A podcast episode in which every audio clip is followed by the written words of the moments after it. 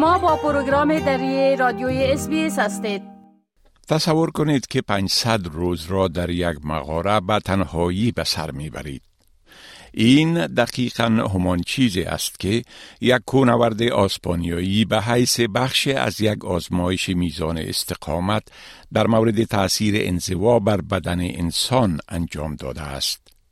زمانی که بیاتریز فلامینی وارد مغاره در موتریال در جنوب اسپانیا شد سه ماه قبل از حمله ولادیمیر پوتین رئیس جمهور روسیه بر اوکراین بود. او به مدت 500 روز 70 متر در زیر زمین ماند. با استثنای یک هفته که مجبور شد وسیله اینترنتیش را که رابطه استراری او بود دوباره تنظیم کند. او در حدود دو ماه پس از ماندن در زیر زمین زمان را فراموش و روز شماری را متوقف کرد.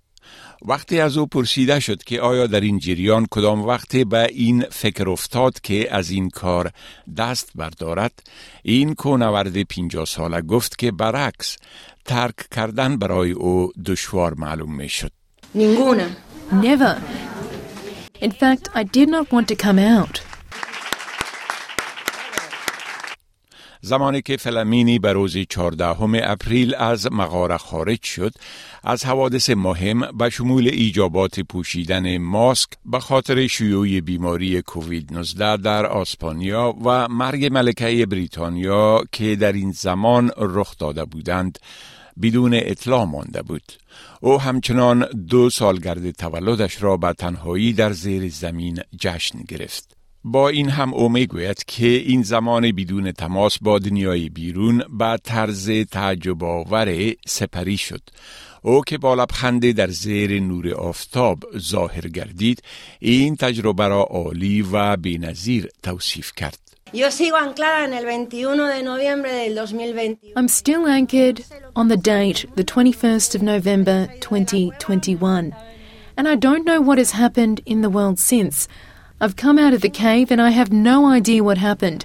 For me, it's still the date of the 21st of November 2021 and seeing you all in masks, for me, there is still COVID. Sigue siendo COVID. این کار بخشی از آزمایشی بود که تأثیر انزوای اجتماعی را بر ذهن و اصول و روش های شبانه روزی انسان مطالعه می کند. فلامینی در این مطالعه زندگی در مغاره تحت نظارت گروهی از روانشناسان، محققین و متخصصین قرار داشت. مربیان بدنی همچنان وضعیت جسمی و روانی او را پیگیری می کردند. طبق اظهارات تیم حامی او فلامینی زمان خود را در زیر زمین با انجام ورزش و همچنان نقاشی خواندن و بافتن سپری می کرد او شست کتاب را خواند و یک هزار لیتر آب مصرف کرد. این تجربه در دو کمره گوپرو که او با خود داشت ثبت شده است.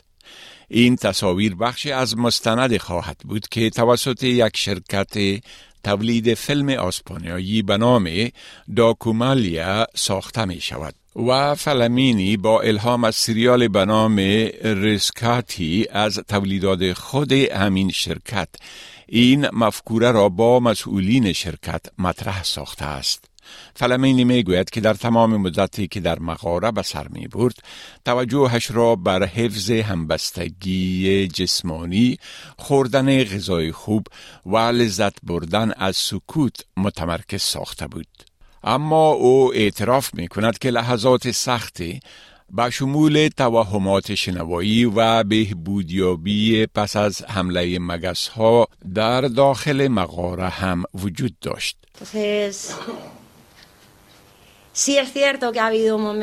So it is true that there have been difficult moments, and it's true that there have been very nice moments, and both have been the ones that have made me fulfill the 500 days, which was my purpose inside a cave. اعضای تیم معاونت با او در این اقامت دراز مدت در زیر زمین غذا و سایر لوازم را در یک محل قابل دسترس برایش می گذاشتند و هر آنچی را که او در آنجا می گذاشت آنها با خود می بردند.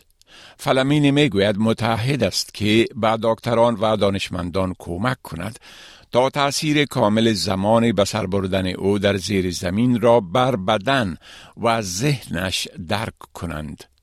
اما در حال حاضر او می‌گوید که چند چیز ساده وجود دارد که مشتاقانه منتظر آنها بوده است. Perdonarme si me trabo, ¿vale? Pero es que llevo una... Forgive me if I can't speak properly, but I have been a year and a half without speaking, and it's difficult for me to follow this all. When you do a project, you imagine everything that goes into it. You must accept it and smile. You are there for that too, and to enjoy the positive things that the experience gives you of wanting to hug someone, of wanting to eat fried eggs and chips, everything. I was there to enjoy. Para eso estás, para disfrutar. تیم حامی او گوید آنها معتقد هستند که این آزمایش ریکارد جهانی طولانی ترین زمان سپری شده در مغاره را ثبت خواهد کرد و منتظر تایید رسمی آن می باشند. سازمان ثبت ریکاردهای جهانی گینز تایید نکرده که آیا سوابق طولانی ترین مدت زندگی داوطلبانه در یک مغاره را ثبت کرده یا نه. ولی این سازمان با 33 معدنچی از چیلی و بولیویا که پس از سقوط یک معدن مس و طلا در چیلی در سال 2010 69 روز در زیر زمین زنده ماندند عنوان طولانی ترین زمان زنده ماندن در زیر زمین را اعطا کرد. گزارش را که شنیدید با کمک انجلیکا ویت و بیوا کوان از SBS News تهیه شده بود. می خواهید این گونه گزارش ها را بیشتر بشنوید؟ با این گزارشات از طریق Apple Podcast، Google Podcast، Spotify و یا هر جایی که پادکاستتان را می گیرید گوش دهید.